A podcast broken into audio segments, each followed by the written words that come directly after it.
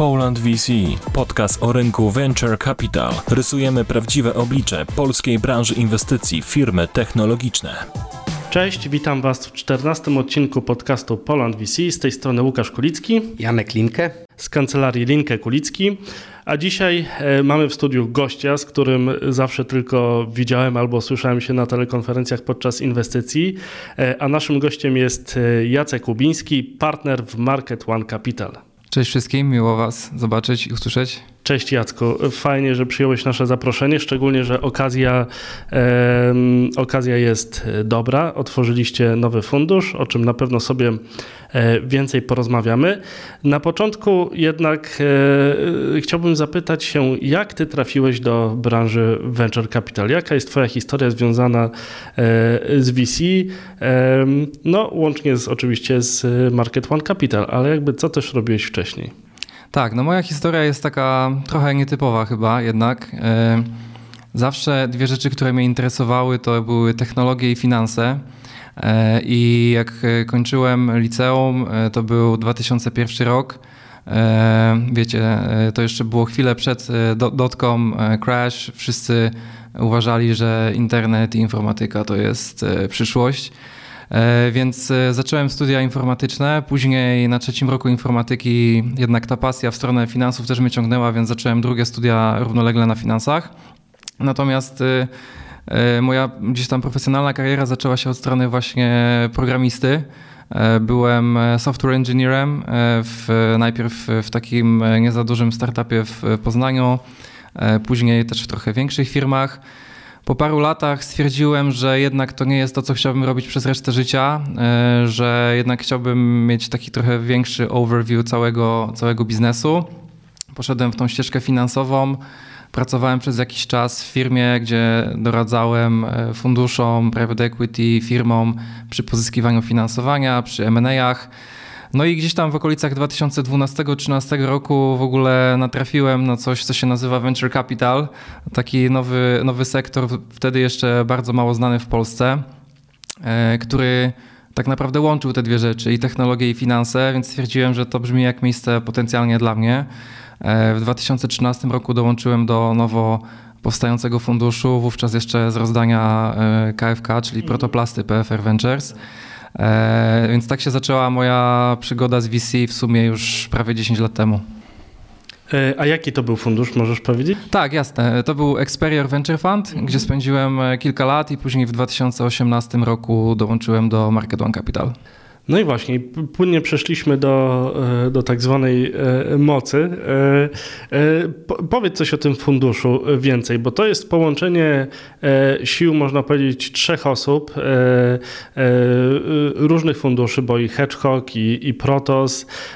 Stworzyło się no wtedy, w 2018 roku, pamiętam to, że mówiło się o tym, że powstaje jakiś pewnego rodzaju szczególny fundusz ze szczególnym DNA ze szczególnymi funderami, e, więc jakbyś nam uchylił rąbka tajemnicy? Tak, no faktycznie historia jest ciekawa. Założycielami Market One Capital e, są e, Marcin Kurek, Kuba Ślusarczyk, Marcin Zabielski i jeszcze na starcie był Michał Skrzyński. Chłopaki mają bardzo dużo takiego DNA przedsiębiorczego. Sami byli też w dużej części founderami.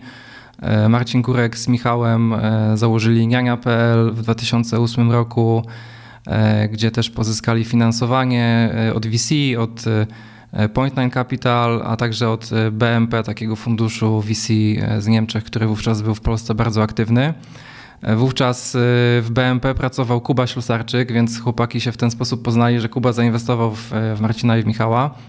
Marcin Zabielski z kolei też ma oprócz e, bogatego doświadczenia e, gdzieś tam konsultingowego, też w wczesnych latach 2000 zakładał aukcje internetowe w kilku krajach CEE. Później w 2000 bodajże 2006 roku dołączył do takiego małego startupu, który miał kilkanaście osób, nazywał się Grupa Pracuj.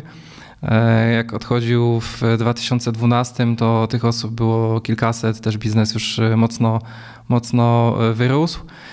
To był mniej więcej też ten sam moment, kiedy niania.pl została sprzedana. chłopaki właśnie zaczęli inwestować jako biznes angele, też przez takie micro, micro VC fundusze. Więc gdzieś tam zaczęli funkcjonować na tym rynku VC w okolicach 12-13 roku.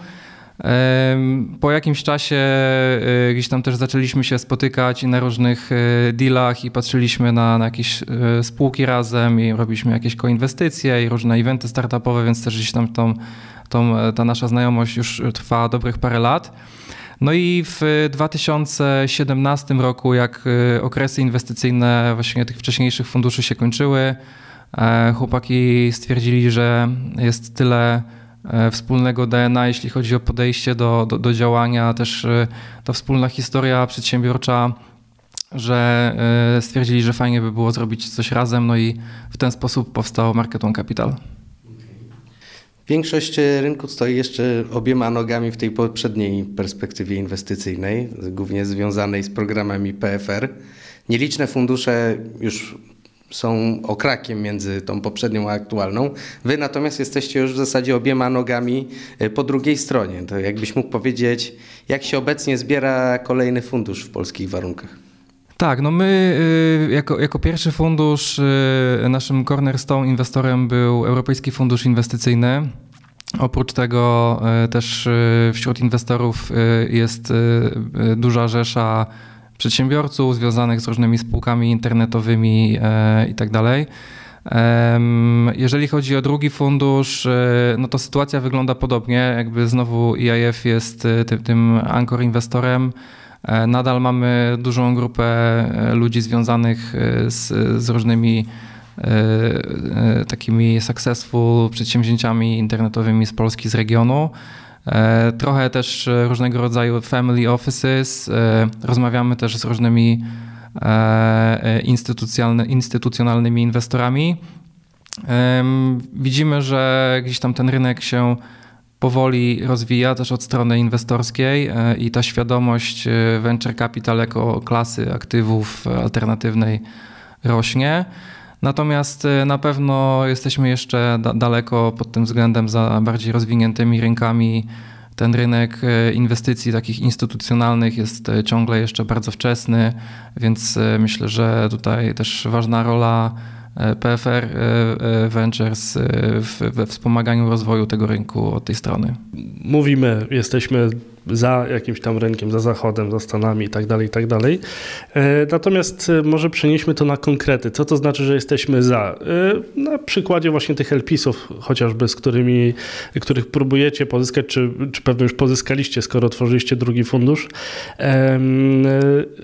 Co to znaczy, że, że ten rynek jest mniej rozwinięty? Czy to znaczy, że musieliście namawiać głównie tych LPIS-ów, których już mieliście z pierwszego funduszu, i udział tych nowych, e, nowych osób jest, e, jest, jest mały. No taki pierwszy przykład mi przychodzi do głowy, ale podejrzewam, że różnic jest, e, jest cała masa. Tak, y, w drugim funduszu y, y, bardzo duża część inwestorów z pierwszego jakby też kontynuuje tą, tą, tą współpracę. Mamy też, też nowych inwestorów, którzy zdecydowali się dołączyć. Myślę, że największa różnica nasz rynek versus Zachód czy Stany, jeśli chodzi właśnie o ten, o ten jakby wymiar inwestorów do funduszu, jest właśnie na poziomie tych inwestorów instytucjonalnych, gdzie na zachodzie i w Stanach e, jest e, dużo takich kategorii inwestorów instytucjonalnych, którzy po prostu znają tą klasę aktywów od dawna i w nią inwestują, czy jakieś fundusze funduszy, czy jakieś pension funds, czy jakieś endowment funds, e, czy jakieś inne, innego rodzaju nie wiem, banki, firmy ubezpieczeniowe. W Polsce to za bardzo nie funkcjonuje póki co. E, ani TFI, ani, ani banki specjalnie się nie udzielają. E, PZU jest chyba taką jedną z niewielu instytucji, która robi gdzieś tam małe, małe kroczki i inwestuje w wybrane fundusze, e, z tego co rozumiem, na razie zachodnie. Natomiast no, nie jest tak, że jest znana powszechnie lista inwestorów instytucjonalnych tutaj z Polski czy z regionu, którzy którzy inwestują w ten sposób. Są jakieś e, takie powiedzmy większe family offices, które się przekształcają trochę w takie powiedzmy fund of funds e, i mają jakieś swoje programy, swoje fundusze inwestycji w 10, 15, 20 funduszy VC w regionie, więc te rzeczy gdzieś tam kiełkują. Natomiast one raczej powstają oddolnie. E, naj, najczęściej to jest związane z jakimś dużym exitem jakiegoś przedsiębiorcy, który chciałby e, część kapitału jakby z powrotem w ten entrepreneurship e, wpuścić. Natomiast no nie ma takich, takich instytucji wywodzących się z regionu, które w sposób taki zorganizowany inwestują w, w tą klasę aktywów. Jak w ogóle oceniasz teraz nastroje inwestycyjne w Polsce? Mm, czy myślisz, że moment przejściowy związany choćby z, koń, z końcem okresów tych inwestycyjnych funduszy, czy myślisz, że ten okres będzie ciężki? Jak sobie z tym radzić? Myślę, że są dwie, dwie rzeczy. Jedna rzecz to jest jakiś taki ogólny klimat, powiedzmy, makroekonomiczny, gospodarczy, i tutaj faktycznie jest e, jakaś tam niepewność, e, która ogólnie wpływa na gospodarkę. Pewnie na te inwestycje w startupy na wczesnym etapie to nie ma aż takiego wpływu, e, bo te firmy i tak najczęściej startują, mają wczesną trakcję, dopiero się rozwijają, więc one tak naprawdę głównie skupiają się na znalezieniu tego mitycznego product market fit i e, zaoferowania rynkowi czegoś, e, co, co, co rynek będzie chciał, chciał kupować. Mm, natomiast to oczywiście może się przekładać gdzieś tam na ich klientów, którzy mogą być bardziej lub mniej skorzy do tego, żeby, żeby nie wiem, interesować się jakimiś innowacjami, czy, czy, czy w ogóle kupować jakieś nowe rzeczy. Mogą, mogą być cięcia czy to od strony właśnie firm, czy od strony konsumentów, te zachowania mogą mieć jakiś tam wpływ. Natomiast myślę, że fundamentalnie one nie powinny mieć wpływu na taki make it or break it dla startupu, bo albo po prostu coś ma bardzo mocny product market fit i kryzys y, tego nie zmieni, albo, albo nie ma, więc to pewnie jest trochę ciężej, ale nie aż tak. Mm, jeśli chodzi o y, ten aspekt, powiedzmy, y, gdzieś tam takiej trochę zmiany starych programów wspierających ten ekosystem VC, wprowadzania nowych, tutaj nie wiem, może jakieś, jakieś chwilowe gdzieś tam zawirowania będą, ale póki co też tego gdzieś tam nie widzimy. Na razie bardzo dużo funduszy jest aktywnych na tym wczesnym etapie, inwestują w spółki. Wydaje mi się, że też e, ten rynek polski jest coraz bardziej rozpoznawalny w Europie i bardzo dużo funduszy z zachodu interesuje się polskimi dobrymi startupami już od samego startu, od fazy seedowej czy presidowej. e, i ta, ta konkurencja o najlepsze, najlepsze startupy, o inwestycje w najlepsze startupy z Polski rośnie. Więc myślę, że z tej perspektywy to nie ma aż takiego dużego wpływu. E, natomiast no, pewnie patrząc tak e, na, na, na, wielkość, wolumen tych e, programów historycznych versus to, co może być, to być może jakieś chwilowe zawirowania będą. A powiedz w, w, kontekście tego, że teraz ten rynek e, wygląda tak dynamicznie i że się w sumie tak zmienił na przestrzeni tej dekady ostatniej, e, to na przykład w kontekście tego nowego funduszu, czy wy widzicie e, jakąś zmianę podejścia u siebie w kontekście, nie wiem, tego jak będzie wyglądał wasz portfel, jeśli chodzi o jakąś rozmiar poszczególnych inwestycji, tiketów, czy, czy, czy po prostu oczekiwany udział w spółkach, jak to wygląda? Można powiedzieć, że w dużej mierze kontynuujemy tą samą strategię, którą sobie obraliśmy w Market One pierwszym funduszu, e, czyli nadal inwestujemy na etapie presidowym, seedowym, nadal specjalizujemy się w e, marketplace'ach i innych projektach z efektami sieciowymi. Nadal inwestujemy w całej Europie, przy czym e, region CE jest gdzieś tam też ważną częścią dla nas i pewnie 40-50% portfela będzie tutaj w regionie, e, tak jak w pierwszym funduszu. E, to, co widzimy, że się zmieniło, to że w stosunku do 2017 roku, kiedy zaczęliśmy działać z Market One pierwszym funduszem, zaczęliśmy go zbierać, rynek się rozwinął, rundy presidowe czy, czy seedowe urosły, wyceny trochę urosły. I z tej perspektywy, chcąc być e, takim e, znaczącym partnerem dla, dla naszych startupów, widzimy, że te średnie etykiety inwestycyjne na, na, w momencie pierwszej inwestycji, one pewnie średnio będą też trochę większe versus to, co widzieliśmy w pierwszym funduszu. Gdzie można powiedzieć, że większość tych inicjalnych inwestycji była w okolicach między pewnie 700 tysięcy euro a milion euro. W tym momencie raczej zakładamy, że to będzie między milion a półtora w większości. Dopuszczamy też inwestycje większe do 2 milionów euro na, na start, więc trochę idąc z rozwojem rynku, e, trochę też e, chcąc e, mieć taką rolę lidującą czy kolidującą w większości, nie wszystkich, ale w zdecydowanej większości projektów, w które inwestujemy. Widzimy, że to są mniej więcej tego rozmiaru inwestycje, których powinniśmy dokonywać, żeby, żeby w takiej roli się znaleźć. Przed chwilką porozmawialiśmy sobie o, o tym, że, że programy PFR Ventures się kończą i, i, i co, co, jaki to ma, może mieć wpływ na, na rynek, ale wy myślę jesteście szczególnym rodzajem funduszu, bo jako jeden z niewielu chyba w Polsce korzystacie, czy mówiąc e, staropolską, e, staropolszczyzną, e, lewarujecie się pieniędzmi z Europejskiego Funduszu Inwestycyjnego. Jestem bardzo ciekawy, jak wygląda proces właśnie tworzenia funduszu e, w oparciu o pieniądze z, z EIF-u. E, jak to wygląda? Bo zakładam, że to nie każdy lepszy fundusz, jaki istnieje w Polsce, e, nadaje się w ogóle tak formalno-prawnie do tego, żeby, żeby taki proces skończyć, nie mówiąc już w ogóle o zdolności pozyskania kapitału. Jak to wyglądało z, z Waszej perspektywy? I może w, powiedz w kontekście i pierwszego funduszu, bo pierwszy fundusz też korzystał z pieniędzy z EIF-u i w kontekście drugiego. Jakbyś porównał te dwa, e, te dwa procesy i no i też może jakie miałbyś rady dla innych funduszy, tak? No bo wszystkim nam zależy na tym, żeby ten rynek tworzyć. Mhm.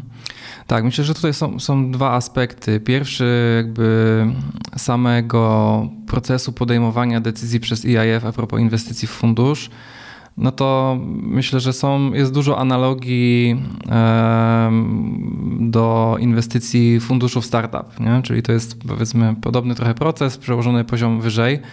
E, pierwszy, w, momencie odpalania pierwszego funduszu ten proces EIF-em był, e, był dosyć długi i trwał e, około 18 miesięcy. Był e, bardzo taki pogłębiony proces due diligence e, e, dotyczący rozmowy na temat strategii inwestycyjnej funduszu, dotyczący budowy portfolio, dotyczący zespołu, jak planujemy ułożyć zespół. Dużo też czasu było spędzone na takich analizie powiedzmy relacji w zespole i, i, i widać było, że to due diligence było takie bardzo pogłębione. I e, celem, celem EIF-u było, e, wydaje mi się, jakby w, w szczególności, jakby określenie, jakby na, na, ile oni e, oceniają, że w dłuższej perspektywie czasowej ten fundusz po prostu może przynieść im atrakcyjne stopy zwrotu, bo finalnie oni jakby też podchodzą do tego w ten sposób. Myślę, że dużo było oceny e, pozycjonowania na rynku, e, takiego unique value proposition funduszu, e, dlaczego startupy miałyby wybierać nas, a nie kogoś innego. Więc ten proces faktycznie był, był bardzo, bardzo głęboki. I e, w drugim funduszu e, ten, ten, proces był krótszy, nadal trwał kilka miesięcy, nadal e, wiązał się gdzieś tam z pogłębionym due diligence. Natomiast no, pracowali na materii, którą znają, którą, z którą współpracują od kilku lat,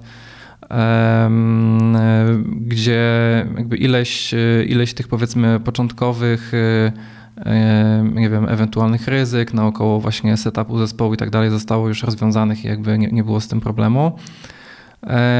Nadal jakby patrzą, e, patrzyli na, mocno na to, jakie jest to nasze pozycjonowanie, e, jak widzimy siebie e, też w perspektywie kolejnych funduszy, jak widzimy, że rynek się zmienia, jak w związku z tym też postrzegamy naszą, nasze pozycjonowanie.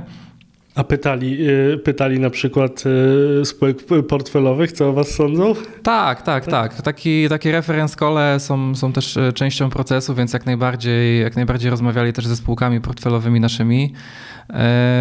I myślę, że jakby ta powiedzmy decyzja biznesowa była najważniejsza, a, a jakby sama później już strukturyzacja funduszu, to, to jakby oni oczywiście przy pierwszym funduszu dawali swoje guidelines, jakie e, ich zdaniem wehikuły są potencjalnie optymalne dla inwestorów ogólnie, jakie też oni, co do których mają preferencje.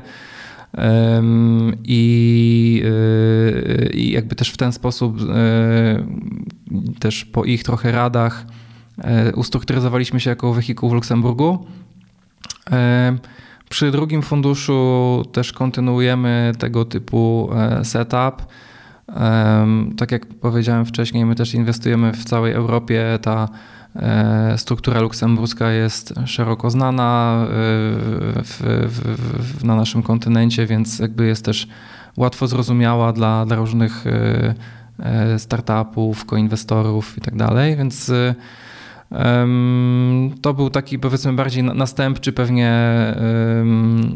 aspekt, gdzie oni pewne swoje gdzieś tam preferencje też sugerowali, jak to, to potencjalnie najlepiej ustrukturyzować to już wiemy, Jacku, jak się przekonuje EIF i jak, jak ten proces wygląda. Natomiast może przejdźmy na drugą stronę budowania funduszu, jak się przekonuje, e, jak się przekonuje e, LPIS-ów, e, czyli tych limited partners, którzy z drugiej strony dają pieniądze. No bo zakładam, że EIF daje jakiś tam procent, powiedzmy 50%, ale żeby w ogóle przystąpić do tego procesu, trzeba wykazać, że już ileś procent macie zebrane z tego funduszu, który sobie zaplanowaliście Więc jak wyglądają takie rozmowy z LPS-ami i jakby co dla nich jest teraz istotne i żeby ci też nie przerywać, e, to chciałbym się dowiedzieć, bo bardzo mnie interesuje, jak, jak możesz scharakteryzować tych LPS-ów, tak? Czy to są bardziej ludzie z e, jakichś konkretnych branż, czy raczej wachlarz jest bardzo, bardzo szeroki, to są po prostu ludzie, którzy dostrzegają możliwość ciekawą możliwość inwestycyjną właśnie na tym rynku e, venture capital. Na pewno e, wszyscy LPC patrzą e, na inwestycje venture capital między innymi z perspektywy zwrotów, więc jakby to jest takie pierwsze primo, że jednak to jest inwestycja. Czyli skoro udało wam się paru LPC-ów z pierwszego funduszu przyciągnąć do drugiego, to znaczy, że że nie było najgorzej. Tak, tak. Wyniki, wyniki są, są zachęcające. Natomiast no na pewno to jest, to jest ważny aspekt, e, na który każdy e, bierze i, i, i analizuje sobie. Więc to jest jakby jedna rzecz. Druga rzecz, no to myślę, że też to pozycjonowanie, o którym mówiłem w przypadku EIF-u i to jak my tak naprawdę funkcjonujemy, gdzie my jesteśmy na tym rynku, w co my inwestujemy, jak my chcemy przekonywać startupy do tego, że powinniśmy, że powinny z nami współpracować. To też jest y, aspekt, który wielu z tych, z tych inwestorów interesuje. No i tutaj, biorąc pod uwagę, że inwestujemy też poza Polską czy poza CEE i ta nasza, ten nasz portfel jest mocno zdywersyfikowany, dla części z tych inwestorów to też jest e, pewna wartość, że e, mogą zainwestować część tego kapitału e, w fundusz, który ma ekspozycję na, na, na całą Europę i tym samym trochę dodaje tej dywersyfikacji geograficznej spoza, spoza naszego regionu, no bo jednak duża część tych inwestorów indywidualnych, high net worth individuals czy family offices z którymi rozmawiamy, którzy są naszymi inwestorami, to są podmioty z Polski i z regionu. Więc to jest też, myślę, e, jeden z takich, e, z takich aspektów. E, na pewno dla nich też ważne, oprócz, oprócz wyników, jest taki powiedzmy stempel jakości jakichś większych inwestorów, którzy przeprowadzili takie pogłębione due diligence. I tutaj pomaga nam właśnie wsparcie EIF-u gdzie EIF jest inwestorem w kilkuset funduszach VC. Zaczęli to robić w latach chyba 90., mają w tym duże doświadczenie, mają pewne wypracowane standardy swojego procesu. Z tego co rozumiem, inwestują też w poniżej 10% funduszy, które się do nich zgłaszają, więc to też jest jakiś tam stempel jakości, który, który nam e, gdzieś tam pomaga. E, no i pewnie też to, co jest ważne, to, że jesteśmy funduszem, e, który ma taką plain vanilla podejście do inwestorów, w sensie takim, że żaden z inwestorów nie jest w jakikolwiek sposób preferowany, tylko jesteśmy E, takim standardowym e, e, funduszem, który, w który, gdzie wszyscy inwestorzy są tak naprawdę równi. Kwestie podziału zwrotów są traktowane jednakowo, niezależnie od tego, czy ktoś zainwestował milion euro, czy 25 milionów euro. I, i, I ta symetria w podejściu myślę, że też jest czymś, co E, inwestorów utwierdza w przekonaniu, że to jest potencjalnie coś, e, co, co jest dla nich interesujące. E, też wyobrażam sobie, że taką barierą dla y, takiego potencjalnego inwestora jest to, że może on myśli, że musi całą kwotę od razu, od razu wyłożyć. Pewno są takie modele, w których fundusz zbiera, zbiera, zbiera wszystko do, jednej, do jednego worka i potem, potem to wydaje. W fundusze PFR-owe mm, mają, czy wspierane przez PFR, często działają tak deal by deal. Tak? Jest jakieś, jakaś, jakaś inwestycja, E, zbierają się inwestorzy prywatni, zbiera się fundusz, zbiera się PFR. E, jeżeli jest decyzja o inwestycji, jest capital call, zbieramy pieniądze do funduszu i potem, i potem przekazujemy je e, mm, startupowi, firmie, co też bardzo wydłuża proces. Ja też biorąc, biorąc udział w, w waszych inwestycjach, w, w, w jednej szczególnie, tak, to, to y, jakby widziałem, że to raczej przebiegało tak, y, tak bezproblemowo. Stąd też pytanie, jak to wygląda u Was?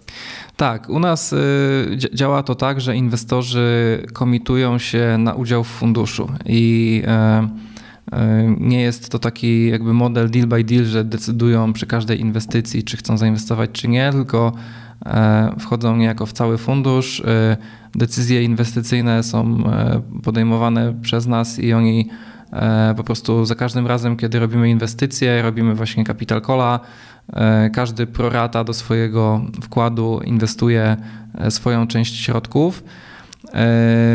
To, co widzimy jako taki pattern, to że zdecydowana większość tych środków zakomitowanych, ona jest E, wpłacana do funduszu w perspektywie pierwszych 5-6 lat e, mniej więcej.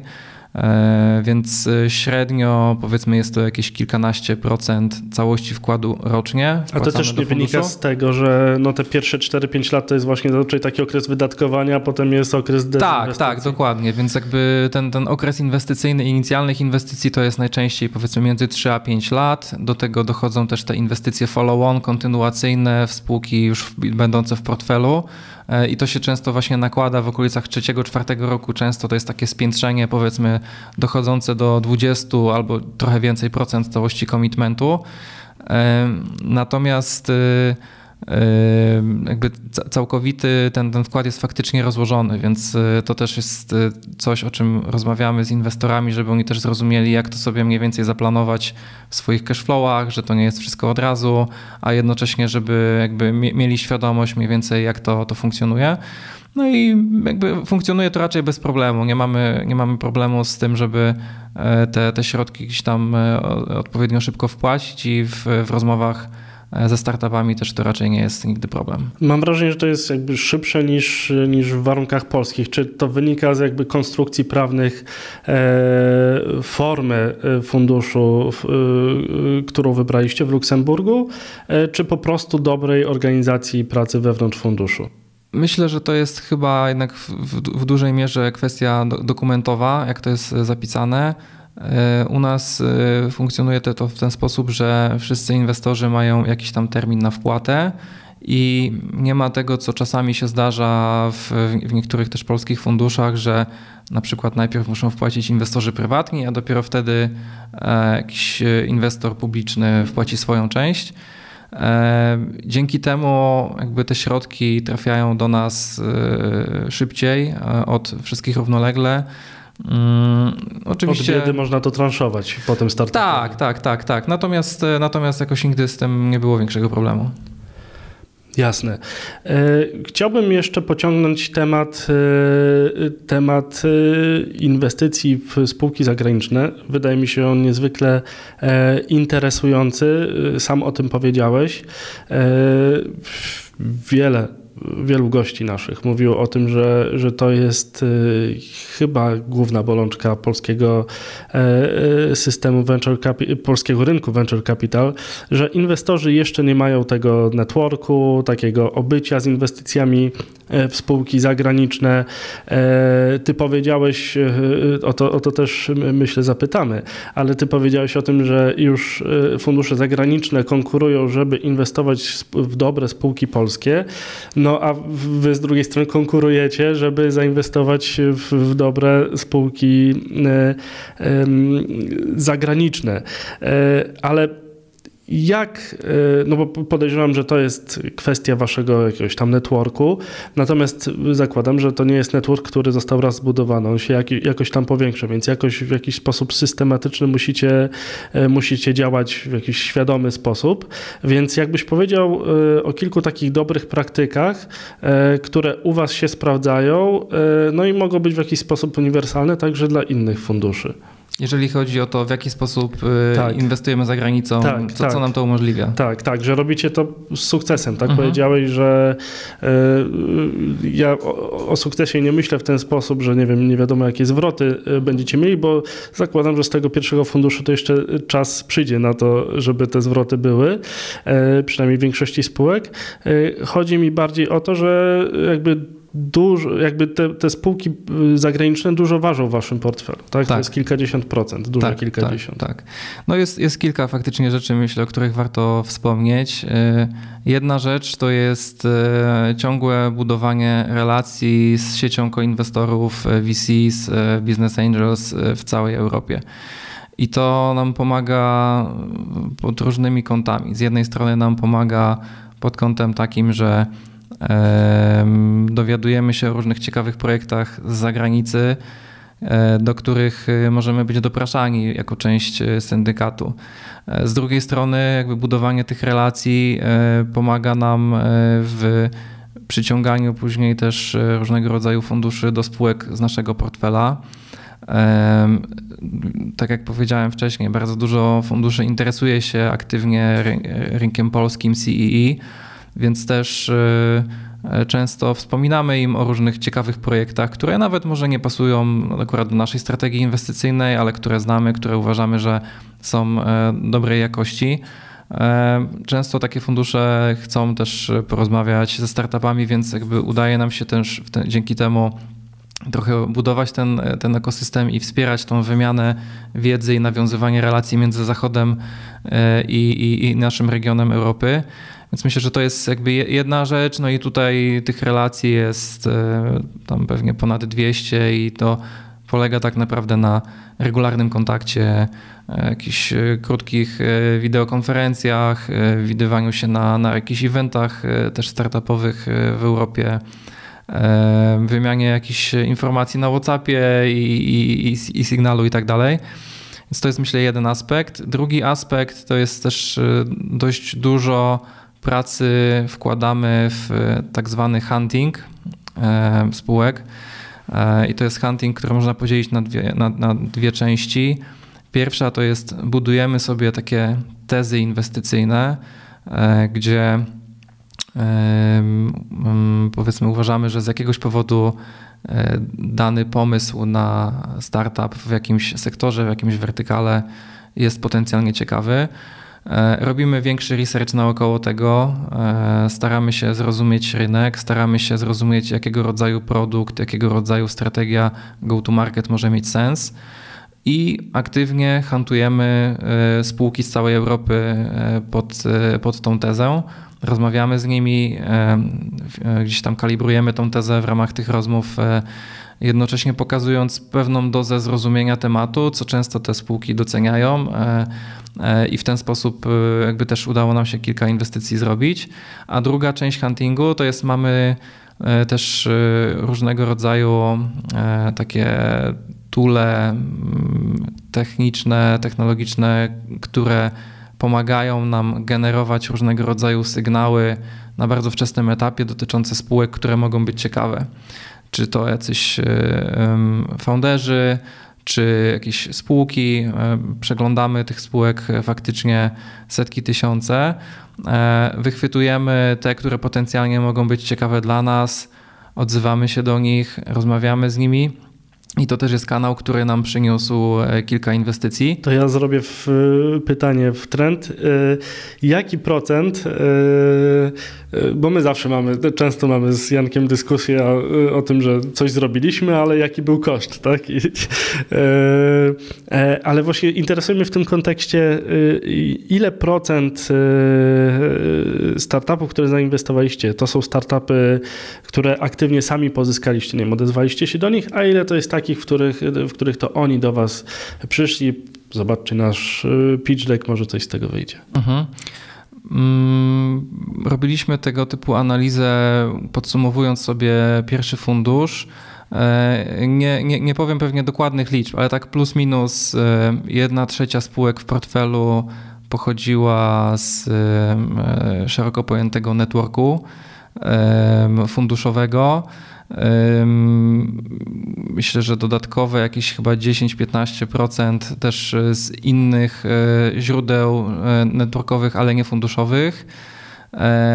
Około 40-45% to były różnego rodzaju działania huntingowe, czyli właśnie nasz reach out z różnych stron do, do spółek, albo dowiadywaliśmy się o nich, albo je spotkaliśmy na evencie, albo się do nich odzywaliśmy. I chyba Dwie z 28 to był tak zwany organik, czyli spółki, które przyszły do nas, e, e, wysłały nam pitch decka, e, w które finalnie zainwestowaliśmy. No to jest właśnie moim zdaniem niezwykle ważne właśnie to, co powiedziałeś, bo to pokazuje, że nie wiem, z 90%, jak nie więcej, to są wasze działania, tak? I wasz network, którego jakby nie jesteśmy w stanie wycenić, oszacować, on po prostu jest. Natomiast mm, natomiast no, to pokazuje, że nie da się otworzyć funduszu i czekać, aż jakby te pitchjacki nam spłyną. Ja jestem ciekaw też, bo używasz takich sformułowań Europa, Zachód. Czy to rzeczywiście jest tak rozsmarowane po całej Europie Zachodzie, czy jednak macie jakieś preferowane, czy siłą rzeczy one stały się preferowane lokalizacje w Europie, kraje, czy... W, w ramach Market One mamy e, jedną inwestycję w Portugalii, e, dwie w Hiszpanii, jedną za chwilę, drugą we Francji, chyba pięć w Wielkiej Brytanii, dwie w Holandii, cztery w Niemczech, jedną w Austrii, e, jedną w Grecji, więc ten zachód Europy jest taki faktycznie dosyć, dosyć szeroki. Pewnie e, najwięcej w Wielkiej Brytanii i w, w Niemczech, ale wydaje mi się, że to po prostu wynika z wielkości tamtych rynków, które są e, top 3, jeżeli chodzi o rynek VC w, w Europie, poza Francją, która jest pewnie trochę bardziej hermetyczna. Natomiast e, nie zamykamy się na pewno na żaden, na, na żaden kraj. No ciekawe, że nie usłyszałem o żadnym kraju ze Skandynawii. Tak, tak. W Skandynawii faktycznie nic, e, nic nie mamy. Tam ten rynek venture capital jest bardzo dobrze rozwinięty i bardzo dużo e, jakby jest takiej lokalnej też, też konkurencji. I faktycznie nie mamy jakiegoś bardzo mocnego deal flow ze, ze, ze Skandynawii. No ale zobaczymy. Wszystko przed wami. Wszystko przed nami, dokładnie. Ale też mnie ciekawi, no bo ja sobie wyobrażam, że taka inwestycja w spółki zachodnie, one, mm, takie inwestycje obsługowo są nieco droższe, nie? No bo nie znacie w sumie środowiska regulacyjnego. Znaczy tworzycie sobie oczywiście jakiś jakiś know-how z biegiem czasu, natomiast y, de facto no, poruszacie się troszkę y, troszkę mniej pewnie, pewnie niż po polskich. Y, tak, tak, zde więc... zdecydowanie.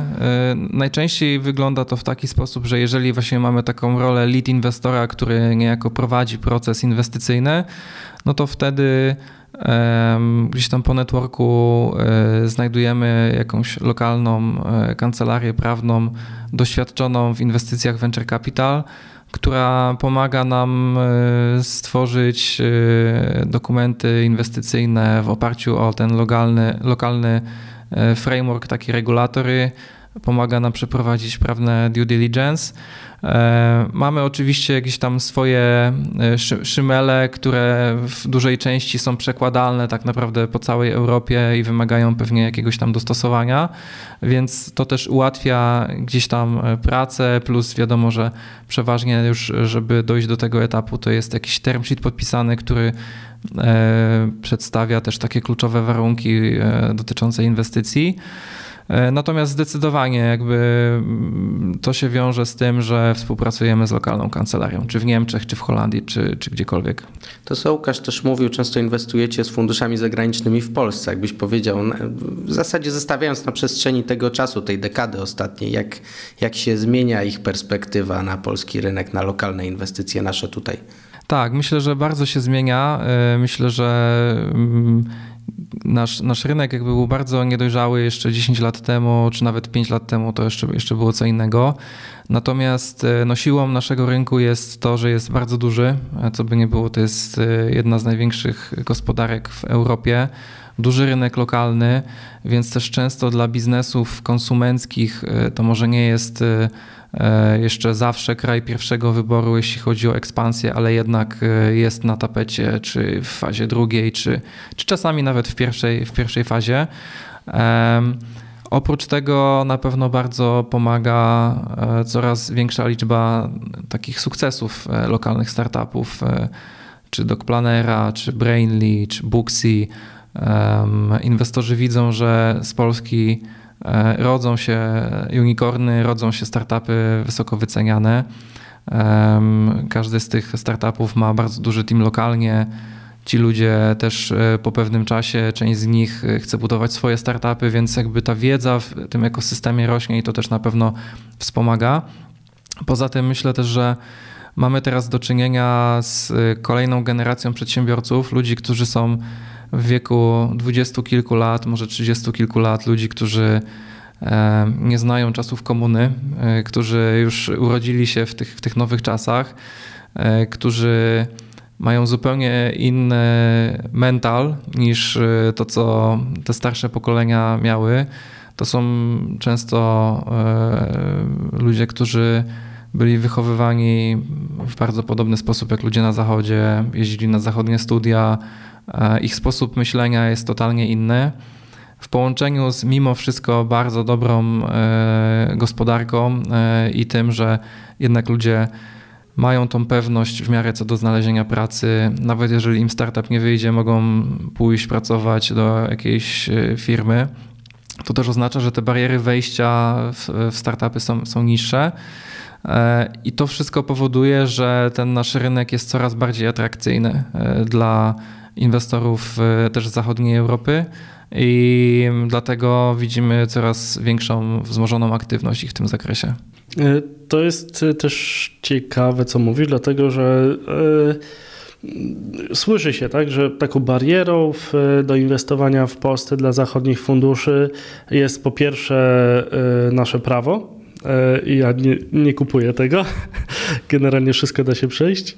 E, a, a po drugie, mm, spotkaliśmy się nawet w podcaście z taką opinią, że e, lewarowa, polskie fundusze, lewarując się środkami publicznymi, stanowią taką nieuczciwą konkurencję tak, dla funduszy prywatnych. A z tego, co mówisz, to mimo wszystko stajemy się, stajemy się się z tych kilku, kilkunastu w zasadzie inwestycji zagranicznych stajemy się mm, takim regionem, który jest atrakcyjny. Tak, zdecydowanie i myślę, że też e, nie można zapominać tutaj o perspektywie założycieli e, startupów, którzy no, mają decydującą rolę co do tego, z kim chcą pracować i, i w tych e, najbardziej powiedzmy atrakcyjnych przypadkach, to oni tak naprawdę decydują, kogo chcą wpuścić, kogo nie chcą wpuścić. I tu otwartość rośnie, tak? Tak, zdecydowanie. I tutaj myślę, że to, co, to, co jakby jest, jest, jest ważne, to że founderzy są świadomi, e, e, robią też swój research na temat funduszy. E, no i myślę, że jakby tutaj ta, to większe doświadczenie rynku zachodniego też wychodzi, nie? no bo jednak nie ma się co oszukiwać, jeżeli e, do danego projektu przyjdzie, nie wiem, na przykład Notion Capital, fundusz e, z, z Wielkiej Brytanii, który jest tam na czwartym czy którymś funduszu, który ma ileś unicornów w portfelu i pokazał bardzo mocne portfolio i track record, E, I jeżeli taki fundusz przychodzi i mówi, że ja chcę zainwestować e, w Twoją spółkę, będę Cię wspierał w taki, w taki sposób, e, będę Ci poświęcał tyle czasu, tu jest, tu jest mój WhatsApp, powiedz kiedy mam przyjechać do Warszawy, czy do, do, do Poznania, czy gdziekolwiek. I po drugiej stronie mamy fundusz często fajny, ambitny, ale jednak z dużo mniejszym doświadczeniem, z dużo mniejszą renomą lokalną no to myślę, że duża część przedsiębiorców jednak wybierze ten fundusz e, zagraniczny. Często widzimy też, że da się to połączyć, że są takie syndykaty, gdzie jest jakiś lokalny partner, który zna lokalną specyfikę, e, lokalne prawo e, i, i, i, razem z jakimś zagranicznym funduszem może tworzyć taki syndykat. Natomiast myślę, że o te najlepsze projekty jest bardzo mocna konkurencja, gdzie fundusze zagraniczne totalnie nie patrzą na to, e, że jest jakaś teoretycznie nieuczciwa konkurencja z Polski. Mm, jasne. Chciałbym, bo dobijamy do godziny e, i chciałbym zadać Ci ostatnie pytanie, e, takie, takie podsumowujące. Pewno to mógłby być oddzielny e, odcinek podcastu, ale, ale może jakbyś wymienił takie trzy rzeczy, bo na pewno takie są, mm, związane z naukami, które wyciągnęliście z pierwszego funduszu i które na pewno zaimplementujecie do drugiego. Tak? Takie, takie trzy rzeczy, które pierwsze przychodzą przychodzą ci do głowy? Mhm. E, jedna rzecz e, to jest e, kwestia tego, w jaki sposób działa, działają zwroty funduszu.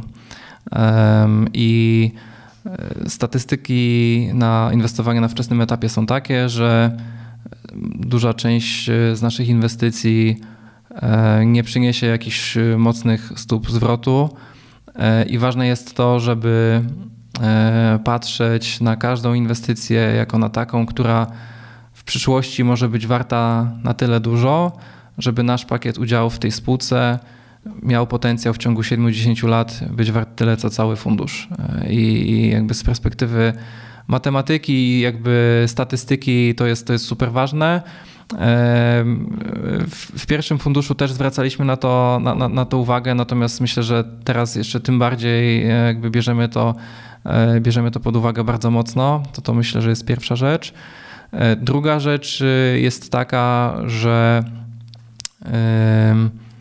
chcielibyśmy i, i taki mamy plan w momencie, kiedy mamy już przekonanie co do tego, że chcemy w daną spółkę zainwestować, żeby być e, takim odważnym co do tego naszego tiketu. Zdarzały nam się takie przypadki, kiedy mieliśmy pewnego rodzaju e, wątpliwości czy znaki zapytania dotyczące ryzyk związanych z daną spółką. Finalnie decydowaliśmy się na, na inwestycje ale biorąc pod uwagę te wszystkie właśnie ryzyka związane, robiliśmy jakiś ticket, który potencjalnie mógłby być większy. Myślę, że to jest coś e, też, z czym chcemy, chcemy, chcemy walczyć w, w drugim funduszu i chcemy to trochę e, zmienić. Czyli ciut agresywniej. Tak, tak, tak. Iść, iść na starcie agresywnie, dokładnie, jeżeli chodzi o, o tą inwestycję. I trzecia rzecz to też jest, jest kwestia taka, że E, wypracowaliśmy sobie sposób e, podejmowania decyzji, e, gdzie mm, część zespołu musi czuć bardzo mocną miłość co do projektu i po prostu e, musi walczyć i uważać, że zrobimy totalny błąd i totalne głupstwo, jeżeli w ten projekt nie zainwestujemy. Zdarzało nam się e, w nielicznych przypadkach w pierwszym funduszu, gdzie mieliśmy bardziej taki powiedzmy konsensus, że to jest fajny projekt, ale nie było nikogo, kto był tak po prostu zapalony miłością. I z perspektywy czasu też widzimy, że te projekty po prostu idą gorzej niż mogłyby iść, e, więc wydaje nam się, że to taka, takie silne przekonanie co do tego, że jednak koniecznie musimy ten projekt zrobić też jest ważne, więc to bym podał jako trzecią rzecz. Czyli intuicja po prostu. No, in, intuicja albo po prostu w jakiś sposób wypracowanie takiego silnego przekonania, że po prostu będę chory i nie będę spał po nocach, jeżeli tego projektu nie zrobimy. To się właśnie często, e, często się mówi, już nie wiem gdzie to wyczytałem, żeby nawet nie tyle ufać intuicji, ile swoim wnętrznościom. Jak ci wnętrzności jakoś tam fizycznie to jakby cierpisz z jakiegoś powodu, to znaczy, że, tak. że to coś, że to coś, coś znaczy. tym jest. Tak. E, Jacku, dziękuję Ci za tą rozmowę. Mam wrażenie, że odbyliśmy znowu bardzo ciekawą rozmowę z taką bombą, bombą informacyjną. Mm, I co najważniejsze, jakby dużo się dowiedzieliśmy o Was. To było wszystko bardzo cenne, ale z drugiej strony myślę, że udało nam się też e, wiele ciekawych rzeczy e, i takich dobrych praktyk przekazać w ogóle dla rynku, tak, dla osób, które, które są na tym kolejnym, czy przed kolejnym etapem e, w, w tej swojej działalności w, w ramach funduszy VC. Dzięki jeszcze raz. Dzięki wielkie. Dziękuję. I powodzenia z kolejnym funduszem. Dzięki. Poland VC, podcast o rynku Venture Capital. Rysujemy prawdziwe oblicze polskiej branży inwestycji, firmy technologiczne.